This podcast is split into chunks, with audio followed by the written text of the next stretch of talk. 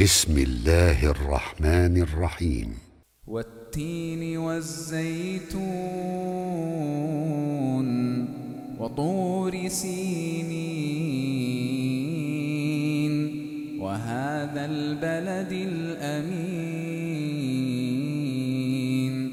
لقد خلقنا الإنسان في أحسن تقويم.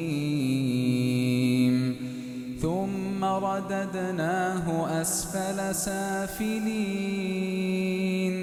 إلا الذين آمنوا وعملوا الصالحات فلهم أجر غير ممنون فما يكذبك بعد بالدين